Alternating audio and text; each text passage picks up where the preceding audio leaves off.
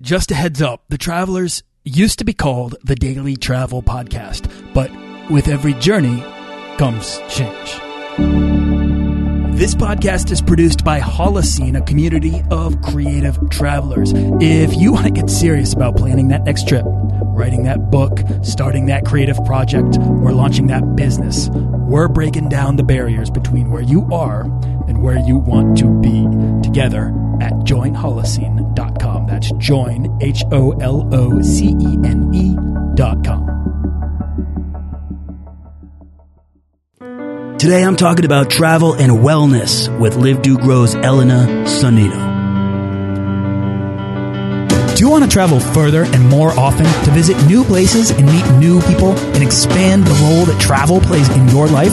I'm your guide, Nathaniel Boyle, an explorer that wants to help you get out, see the world, and find meaningful, life changing experiences. Everyone wants to be adventurous and have great stories, to do the stuff of legend. This is the Daily Travel Podcast.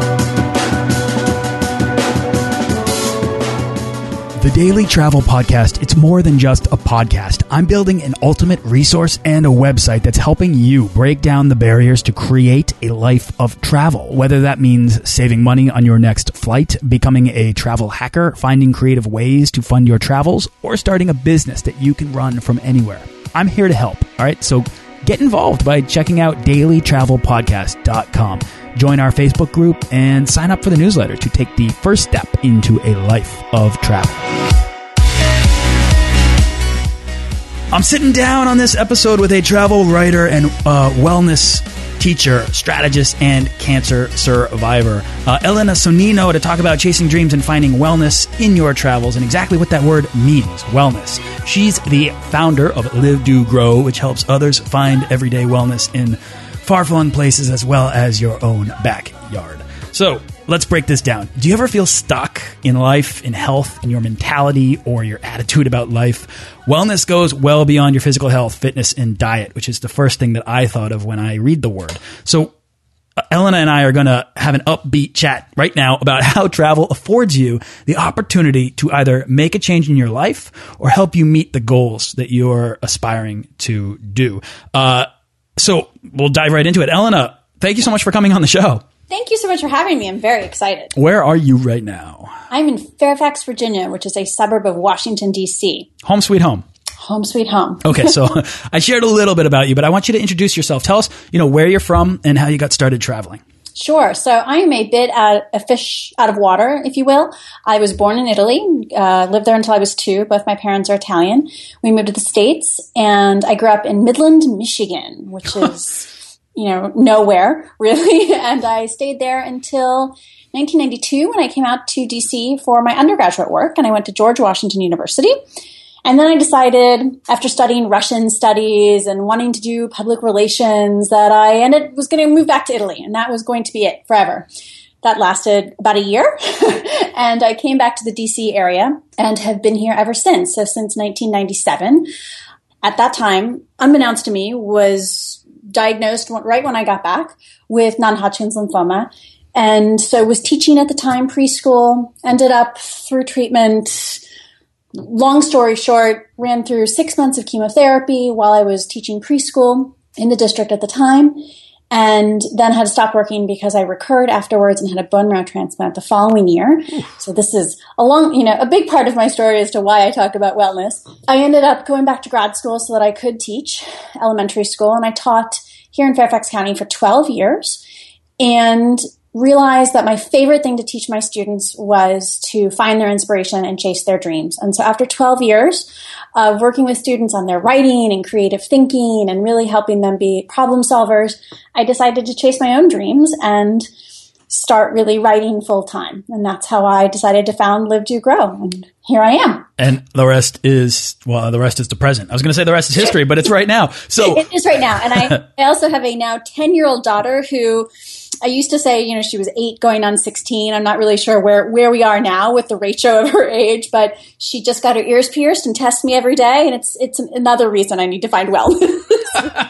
you need more more patience in your life. Oh, we always do. Uh, why, when you went back to Italy after your um, after school and you moved back there, and you you said you only stayed there for a year? Why so short? What what was it that made you move back here? True story. It was a boy. it was a boy. So I actually a few different reasons. So I moved back and my when I first started working there, I was in Florence and I was working at a study abroad program. Uh, Lorenzo de' Medici, working as the advisor basically to students that were coming on study abroad. And that was supposed to be short term. It was supposed to be only six months. And then I was supposed to go to Milan and work for Dow Chemical for the headquarters there. But in all honesty, that job was kind of acquired for me, as is done in a lot of places. You know some people and they, you know, get you into a place and they get your name in and you get a job. And I've never really been a fan of that. I like charting my own course. And so while that's what I was supposed to do, I, my offer to stay in Florence was extended for the following year. In the meantime, I came back to walk for my undergrad graduation and ran into a boy that, you know, I had, a boy, a man that I knew in college. and he came out to visit me in Florence and we decided uh, that I was going to move back six months later. So my forever was only a year. And, you know, I look back on it and actually I was probably at the beginnings of being sick when I was away. So for me, it was all very much when, when I look back, I was supposed to come back. Um, and it turned out, you know, his dad was a, a radiologist and their best friend was a cardiologist. And so we were sitting four months after I got back. And my dad was a neurosurgeon at the time. But, you know, when you're talking to your daughter over the pond and on the phone, all the little symptoms, oh, I have a cold, or oh, I have this, don't really click. But four months later, when suddenly this lymph node, you know, became the size of a ping pong ball at the base of my neck sitting at our Passover Seder, I was absolutely in the right place at the right time and was able to to get treatment right away because of where I was. So, you know, looking back at all the pieces kind of fit together. Okay. A couple things I want to draw out of that. The first thing is that it's really interesting that travel, you would be out in a foreign place. You would be traveling at a time in which you were beginning to get sick and, yes. um, and that you didn't, you didn't let this experience sort of taint your perspective of travel and getting out and seeing the world. In fact, you took the, sort of eventually you would take the opposite approach and you begin to see travel as an opportunity to find wellness. Absolutely. Um, and, and, you can speak to that if you want. Well, and the interesting thing is, I kind of continued that and have spoken at length with my oncologist about it. For me, well, I had family in Venice, so I was spending, you know, the week in Florence. Then most of the time, I was going to see my friends or my grandmother um, and cousins up in Venice. So I did feel very nurtured. You know, in in my environment, I spoke the language. I had friends, um, and for me, travel was an opportunity to get away from those walls that that you live with that can kind of mirror back the negativity, if you will. And i have always been a very optimistic person. So for me, travel is about that. It's about seeing new perspectives. And just because you're dealing with, and I didn't know at the time, um, you know, something like cancer doesn't mean that you can't still have those opportunities. And, and since then, when my first round of chemo, uh, we were three months in and I had just lost all my hair and two of my chemotherapy drugs had a lot of well, there was prednisone in them. And so I, you know, was the anti patient. I gained all this weight. You know, you think of cancer patients losing all this weight. I gained all this weight and I, we had to get out of our apartment. So we went to West Virginia for a weekend. And that's where I realized sitting on the rocks of this creek behind our cabin that it didn't matter how I felt during the day. I still had to go out and explore and do those things because I still had to find ways to be me. And I was not defined by the me that sat in those chemotherapy chairs. So often on this show do I have people come on whose proximity to mortality has inspired or motivated their decision to make travel a bigger priority in their lives. Um, often it's actually the death of other people. It's the death of close ones. It's the death of a parent that spurs someone into action that makes them realize that this is that one opportunity to go out and see what's out there that's waiting for you, uh, to, that's waiting to find you out there in the, in the world. But you know, for you, your story is different. Did you find that you felt more compelled to travel when you were faced with this illness?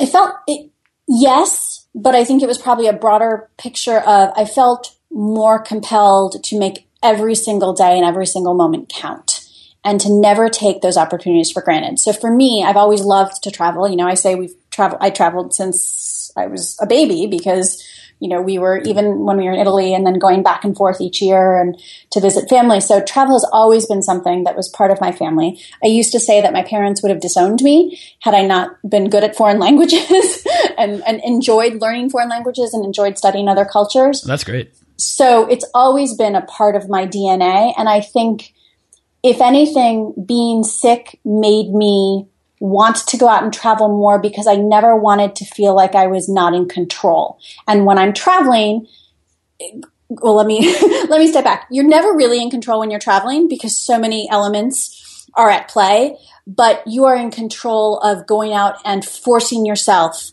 to create those moments. And you know, being compelled to, to stay in my apartment because my um, cell count was too low was the type of control that I could not. That was depressing to me. That, that's much. that's what I was going to. I'm sorry to interrupt you, but that's what I was going to ask you about. Is that uh, a physical illness that drastic that we're talking about that can actually be life threatening? It can also be physically debilitating. Absolutely. And I was wondering if uh, what that might have done to you as somebody who is staying inside that can't go out. Um, because you're because you're you're too weak or it's too much of a risk. Yeah. Um, does that what sort of uh, effect did that have on you? I mean, how did you feel sitting in that in that you know room back home? I was horribly depressed, um, and you know, I remember I was teaching at a preschool at the time, and I always took the metro in from my apartment in Rosslyn, and coming out of the Rosslyn metro, walking back up this hill was something that I did every single day until about two or three months into my first treatment and I could no longer walk up that hill without being a you know hot mess of sweaty, just a, a, pool of sweat. And so we had to buy a car so that I could drive myself to work. And that was the first realization that I was not in control of my own body. I, I could no longer ride my bike up a hill to a series, you know, a little neighborhood where there were restaurants and cafes that we liked. So those pieces felt like I was losing parts of me. And that's very much why I am the way I am. Also, about in my first round of chemo, we picked a chemotherapy regimen that had very low impact on fertility because I was, you know, 23. I was engaged at the time. Oh, wow. I wanted to be a mom and I wanted to be a teacher. Those were my two, you know, big life goals at that point. So kids are a big part of your life at this point. Kids are a very big part of my life. And the first time around, so we picked this chemo that had little to no impact on fertility. Wonderful, great. Except that it had a potential for lung damage which three months in we realized that I had. And my oncologist, who I adore, said to me, Well, you know, you're just never going to run a marathon. And I said to him, Well, that's not a problem because I can't run three miles. And so we chalked it up to, oh, you know, funny, funny, no problem. Well, five years later, I was in Boston the weekend of the Boston Marathon, and we were staying with friends that used to live in DC. And my friend said to me, You know, you could totally run Marine Corps Marathon. And I said, I totally could not. But somehow that drive back to Boston, from Boston to DC, um, on the way back, I real I decided I was going to run the marathon that year. So for me, that that place of where I, though I never wanted to be defined by my cancer, it very much has shaped who I am and where I am today. That's, and I, and I almost appreciate it. I love that. I mean, that's that's one of the things. It sounds as if someone who's whose background is exploring other cultures, learning other language, going to other places. You have this sort of exploratory personality and mm-hmm. identity, and all of a sudden, you can't go and do that. You can't even go out to the coffee shops that you like to that you like to you know go to your definition of the world and the way you respond to it begins to change. And as, as a result, it seems natural that therefore the, your own identity begins to sort of, um, dwindle in a way. I mean, because those are the things you love. And yeah. so you, you, stop me if I'm if I'm jumping to the wrong conclusion here, but if you can't go and do and, and hold on to the things that you love in the hardest time of your entire life, no wonder you would become severely depressed. Absolutely. And I remember we, so after the trip to West Virginia during my first round of treatment, or yeah, um, we planned, so I was engaged at the time, and we knew that I couldn't plan for major travel because we just didn't know, you know, what my, my cell counts were going to do. And I was getting chemotherapy every two weeks at that time and we would order so wednesdays were my chemo day and we'd come home and we'd order chinese food. It took me many many years to be able to eat chinese food ever again um, because it always brought me back to this this memory of that. But we went to oh. boston that fall. So it was actually after my last treatment and it was supposed to be a celebration but we had to really kind of set realistic expectations of what that was going to mean because I was very fatigued and I couldn't, I, am a walker, you know, I, I walk New York, I walk big cities. Um, you know, at the time I was probably walking them in heels because I'm Italian and that's what we do.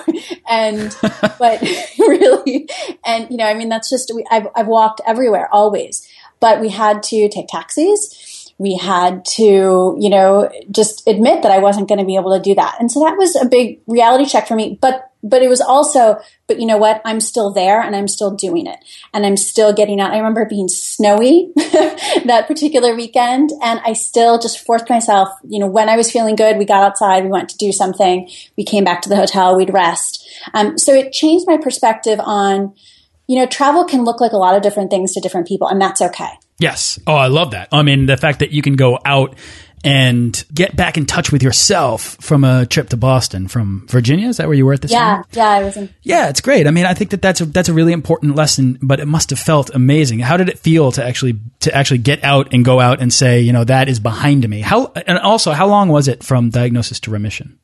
So it was two years. I was diagnosed on April 7th, 1997. and uh, so I started chemotherapy about two weeks after that. Um, again, just right place, right time. Mm-hmm. So I had chemo for six months and then I was in remission for five months. Or we, we thought I was in remission for five months. And so that basically fall, early winter. And that February of 1998, I was in Michigan at the time at my parents' house and I woke up in the middle of the night and couldn't breathe. And they thought I had pneumonia when really I had a pericardial effusion, which means I had lung in the, um, sorry, fluid in the sac around my heart. And it turned out that I had actually recurred. And so then we, so from February to May, we did a whole other round of low dose chemo and radiation. And then I had a bone marrow transplant on June 12th, 1998. And I have been healthy since. So it was about a year and two months total from diagnosis to end of treatment. Um, and then they really say, you know, you go into remission, and then they say, you know, after five years, they can say you've been cured. Okay, and then and then take me back to Boston, traveling yeah. again, even to a place that you'd already been, that had right. kind of played a big role in your in your. It sounds like in your recuperation and your mindset for it. Yeah, you know, how how did that make you feel? It was incredible. And I have a picture. I'd have to find it, but I remember taking it. It was snowy and cold. And I, I was in this, you know, big kind of parka and I looked really, you know, I had, I had stopped wearing a wig. So I had short, like bald, I had a bald head pretty much, a little bit of stubble growing. And I had my, I outstretched my arms and I like was like my mouth open to the snow kind of falling because it was this true sense of freedom that I wasn't in the walls of my apartment. I wasn't in the chemotherapy suite where the nurses and the doctors, you know, were filled with people that I adored, but I still wasn't in that place. I was doing something for me and I was recapturing those little moments step by step. So that's what that trip symbolized for me. I like that. There's almost a, um, childhood sense of wonder there that Absolutely. you just sort of told. I mean, to have your to have your mouth open and catching snowflakes is a uh, it's a thing that you do when you're a kid, and uh, yeah. to be able to get back to that uh, is is really cool because that's the place that you're from and you grew up with travel, and that and that uh, it would it would come full circle to that one little that one little moment that crystallizes it I love that. All right. So Elena, then tie it into, tie this journey that you went on and, and overcoming that and leaving that behind you, hopefully, to where you are today and right. this, and this, this understanding of wellness that you pulled out of that experience. So where I am today is absolutely based on all of that because over the course of years, though I always said, you know, I would never take things for granted and, you know, I'm, I'm, I'm now in control of my own body and my own health and, and all these things over time that becomes less important and life gets in the way. Um, I ended up, my, my daughter is very much a, a, product of me having been sick in the sense that I was not supposed to be able to have children. But because of that marathon that I wasn't supposed to be able to run, I ended up meeting her father who, you know, after paying $50,000 for a donor egg, ended up getting pregnant on my own. so, you know, she's, she very much inspires me every single day. But over the course of being a mom and teaching, when I stopped, right about the time where I stopped teaching and transitioned to writing and blogging full time, I also had a hysterectomy because not to give too much information, but essentially there was there was another elephant in the room in my cervix, mm-hmm. and okay. we just didn't want to go down that road. And so um, knowing that my chances for future children were were slim to none anyway, I had a hysterectomy, and at that time, I went from teaching full time to the hysterectomy to then working from home. And what people don't realize about working from home, if they don't do it, is that you're your own boss. You create your own schedules and you're sitting all day if you're writing. and so I started running myself into the ground. I stayed up late because I always had to get another blog post up. I, you know, was constantly online. I couldn't unplug.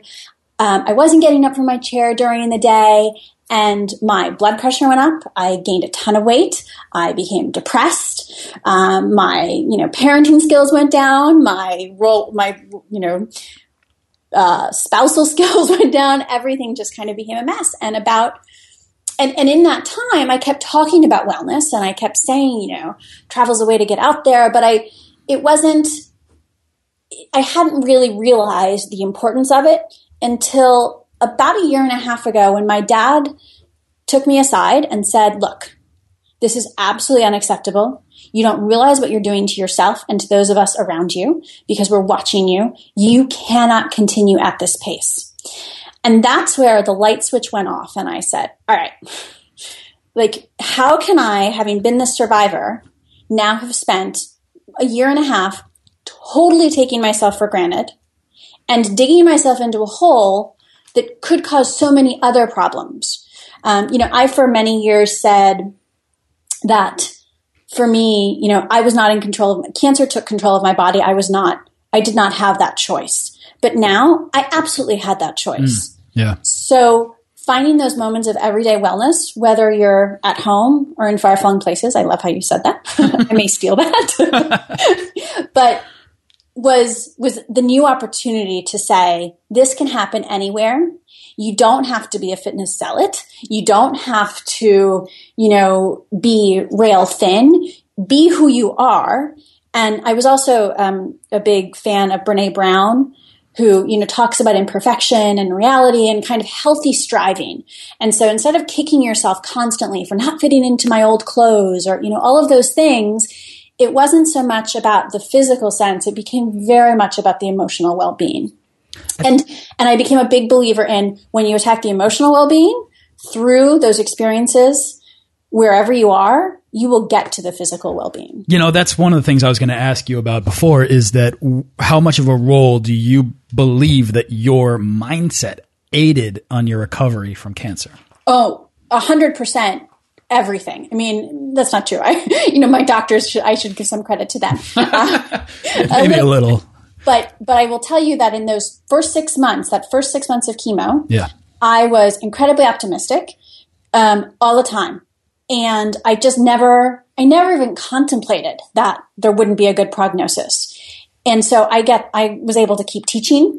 I was able to, I was never nauseous uh, I felt pretty good. The worst things for me were losing my hair and gaining weight. I mean, really, the second time around, I when suddenly I was told you're not going to be able to have children, you have to stop teaching because when they prep you for a bone marrow transplant, all bets are off.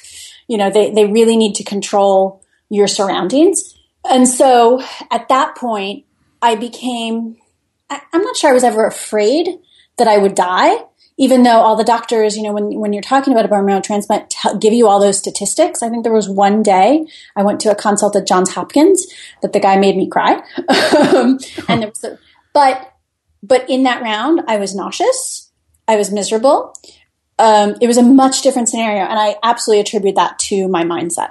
So at some point then your experience surviving cancer, I mean, surviving depression, that, that hollow feeling and that void within your identity that gave you the perspective and the skill set almost to recognize that you were back in that place and that you had been there before and that you could overcome that, right?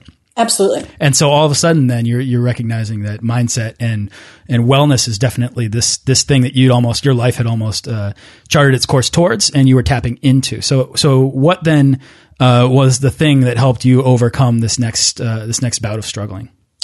So I think the first thing was the realization I had taken a, a trip um, usually when we go back to Italy, we go back to Venice to see family and friends, which is lovely, except that then you never explore anything else. And so my daughter was about almost seven at the time, and my parents had decided that we were going to take a trip together my parents, my husband, and my daughter. And we were going to spend a month in Italy. And we did a week in Tuscany, just doing day trips um, with a basis out of San Gimignano. And then we went to Cortina up in the mountains to hike for a week. And then we went on to Venice. And that week in Cortina of hiking each day with my family, we had never taken a vacation like that. And being out and watching my daughter um, search for fragolina, the little wild strawberries like I had with my grandparents, and you know, running across the trail and, and jumping off the the the ski jumps that are built into the you know that the skateboarders are now using and uh, mountain bikers you know because there's no snow on the mountains now and doing all those things, that was the realization that there's so much opportunity when we travel to embrace those moments. And so that was the trip that I think changed my thinking about what really travel could be, both for me and as a family. And so I started looking for more opportunities to seek out kind of those outdoor adventures, those opportunities to fill up your bucket with not just new perspectives, but new physical challenges. Um, so we then went to hike in Sedona for a week. And gorgeous, you know, absolutely. And how can you not be inspired by the red rocks? Um, and so those moments were really where I took kind of the power of of the outdoors and really, you know, integrating it into everything we do. The other opportunity I had was I was able to go experience some intuitive healing services at a spa at the Four Seasons Baltimore. They had just, this was a year ago almost, and things like Reiki and chakra balancing, which I had never, you know, tried before. And my, you know, husband's an engineer, my dad's a neurosurgeon, so I'm surrounded by people that are very literal, and yet I know that there's more to life than scientific theories. And I went and I was open to these opportunities, and I came out really seeing the world differently and looking at colors differently and how they can impact your mood. And so, you know, seeking out these opportunities and just being open to them was a big change for me. There's a sort of reconnection to forgotten things that I think can happen in travel. And, and what you, what I'm pulling out of what you're saying is that wellness are those things that you do that make you feel good, that actually put you back, that almost kind of reset the mechanism uh, that gets kind of, I don't know what, cramped up when we're in routine. Yeah, well, because you don't make time for it, right? I mean, even working from home when I first started, who had time to get on the treadmill to run? I had, you know, deadlines to meet. And so I couldn't, to me, that was, I had to start getting up really early in the morning so that I could do those things without feeling bad that I wasn't working because my husband's an engineer and has a spreadsheet that he wanted me to, you know, reach my monthly goal. Um, and so, you know, those types of things that you forget and you don't make time for, but that really intentional um, seeking out of those opportunities, I think is a powerful is a powerful antidote for people. And and it is. It's about so many different things. So yeah, you can go to a spa, but you don't have to go to a spa. You can go for a hike. You can go for a walk in a city, in a big city, New York, San Francisco, Boston, wherever, without a map, and just see what happens. Um, because we're so clung to being in control. But when you go and you do those things, or you go sit in a park in a city that you've never been to and just watch life happen around you, those moments for me are filled with wellness because you see kids. You know, I was just in Philadelphia and I discovered this little uh, neighborhood behind Rittenhouse Square. It's called Fitler Square. And there was this beautiful park that I fell in love with. And there was a little girl who was there with her mom, and the little girl was racing herself. Um, she was competing against her own times, riding her bike across the square and the mom was timing her and would say, all right, you know, 52 seconds. And I can do faster. And just watching that interaction was so joyful. You know, so those are the moments that, you know, you just have to appreciate. But if you're not open to them and always in a hurry, you're, you're going to miss them. I love that. All right. So, so many of us travel and I, I've said this time and time again on this show, uh, for that opportunity to get back to seeing the world through childlike eyes again, right? To reawaken yeah. that sense of wonder and and awe about everything around us. And, and this is why I travel. I travel to cultivate my imagination because as kids, we had these aimless adventures in the sort of mysterious landscapes of our backyard. And when we grow up, I think we quickly lose that and we miss it. And travel affords us the opportunity to sort of reconnect with that playful feeling within ourselves, right? And to make us feel good again. Okay. So I love the way you're tying sort of my entire ethos around travel to wellness and health and these things that are actually really, you know, like actionable things that I think a lot of people seek and they struggle to find in their day to day lives. Absolutely. So, And- oh, go ahead. Uh, no, no, go ahead. Well, I was going to ask you what would be a, uh, a good way for anybody that's listening to this that's thinking, you know what, I am kind of stuck in my life, or I could use to uh, I could use uh, a travel opportunity because you're probably listening to the show because you want to travel, but maybe you also I don't know want to. Uh, lose some weight or feel better about yourself or get unstuck or change your career or uh, regain some degree of confidence about yourself. I mean, there's so many different things that I think people that we, I'm one of them, struggle with. Uh, give me some good examples uh, or maybe an example of, of another trip that, you know, someone might do in order to find wellness. Yeah, so I have a few different ideas. Okay. Um, so the first one is, you know, there are all sorts of programs out there, kind of wellness retreats, if you will, that, you know, have these prescribed. They're more than health. Some are health vacations and others are really kind of structured programs. One um, is located in a beautiful setting up in British Columbia near Nelson, near the small town of Nelson, Nelson, overlooking Kootenay Lake. And it's called Mountain Trek. And I went there in May. And the beautiful thing about Mountain Trek is that yeah, it's it, a weight loss retreat, but some people go there to lose weight. Some people go there to detox, you know, just to, to relax. Some people go there as their health vacation to hike because you're hiking every single day. That's a program where I love it because not only are you out hiking anywhere from two to four hours a day, but you're also doing sunrise yoga, you're eating healthy foods and you're learning how to make them because they give you all the recipes. You're hearing from staff that like live and breathe the outdoors and wellness with all of their body and it is impossible to leave there uninspired. So that's a program if you're looking for a pro- if someone's looking for a program that I highly recommend. The other thing is find something that you've always wanted to do in the outdoors. I really think that being in the outdoors and that open air has just a different way of triggering those feelings for us. So maybe it's you've always wanted to learn to surf or you know you've always wanted to hike the red rocks of Sedona um, or even the Grand Canyon. You know, you can go on you know short hikes in the Grand Canyon at the South Rim, the Kaibab Trail. It's about a half day hike. Most people don't go below the rim at the Grand Canyon, but when you're going there, spend that time and hike below the rim. It's incredible, and to just be in the vastness of that canyon. It's hard not to want to take that journey um, and take those next steps.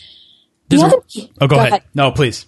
No, and and so I, for me, it's if you if you're a person, if a type of person who needs a structured program to help you know take that next step, um, Mountain Trek is a great one, and there and there's a host of others. But if not, think about that one thing that you've always wanted to do in the outdoors and push yourself to go do it. And don't be afraid that you're not healthy enough or you're not fit enough for, for any of those things. Just go out and do it. Set realistic expectations and then let it happen and let it unfold. There's something truly restorative about the outdoors, and I like that you you really focusing in on just getting outside. Go outside, go for a walk, go for a hike, do something. Um, some people have changed their lives by taking a four day trek to Machu Picchu, and I know that maybe you want to go see Machu Picchu, but like push yourself, go and do it, and do the thing that's going to put you outside of your comfort zone because it's only going to compel you to want to do more. Uh, Elena, we are running out of time here, so I'm going to have to begin to wrap up. I wanted to make sure: is there anything else that you wanted to share about traveler life or wellness? Yeah, the other thing that I want to say is, you know, if the if Machu Picchu or the Grand Canyon or Sedona or a, a wellness retreat is not in the cards financially or time wise, do it in your own backyard. You know, go for a hike. Probably you can drive an hour in any direction and find a place to take a great walk or, or do something and look for those opportunities around you where you can still embrace those new challenges because they will help you get to where you want to go. Love that. It's very important, um, and I and I really love that you're focusing on that. But you're coming from a place of uh, dire need to really be sensitive to the to the importance of what we're talking about here. So I think that's really cool. Um, Elena, what is exciting you the most right now? Where's your next trip, or what's your next project? So my next trip in the short term is I'm going out to San Antonio for the Rock and Roll Marathon on December 7th because I just ran the Marine Corps Marathon. It was my third marathon and I didn't finish it strong. And for me, that was really disappointing. Um, I'm someone who sets goals, and I was, I can deal with not making my time goal, but I, I don't like feeling weak, and it goes back to you know my past. And so I created this redemption race. I'm going out to San Antonio to run another marathon because that's crazy, and that's what I do. and uh, and then I'm going to Rancho La Puerta to take a health vacation with my mom in January, and I'm going to Morocco. I'm very excited in the end of March. So we'll be in Marrakesh for four days, and then in the Atlas Mountains, we're going to go hike for four days. So much fun. I just want to say that if you're a fan of happy endings, how amazing is it that this whole talk has ended in you going and, and doing marathon after marathon? Um, I just think that's inspirational right there. So I wanted to pull that out. Uh, Elena Sonnino, where can people go to find out more about you and the work that you're doing around wellness and travel? You can read livedogrow.com and you can follow me at Elena Sonnino on Twitter. I love it. Elena, thank you so much for coming on the show and being so open and honest about the journey that you've been on in your life and the way you're taking all of that and helping people in your future. Oh my goodness, thank you so much for having me. It was an honor, and I loved chatting. Thanks for listening to this episode of the Daily Travel Podcast. For show notes and links to everything in this episode and more, head on over to dailytravelpodcast.com. Join our Facebook page of explorers and subscribe to our newsletter for the best deals and resources to help make your next trip life changing.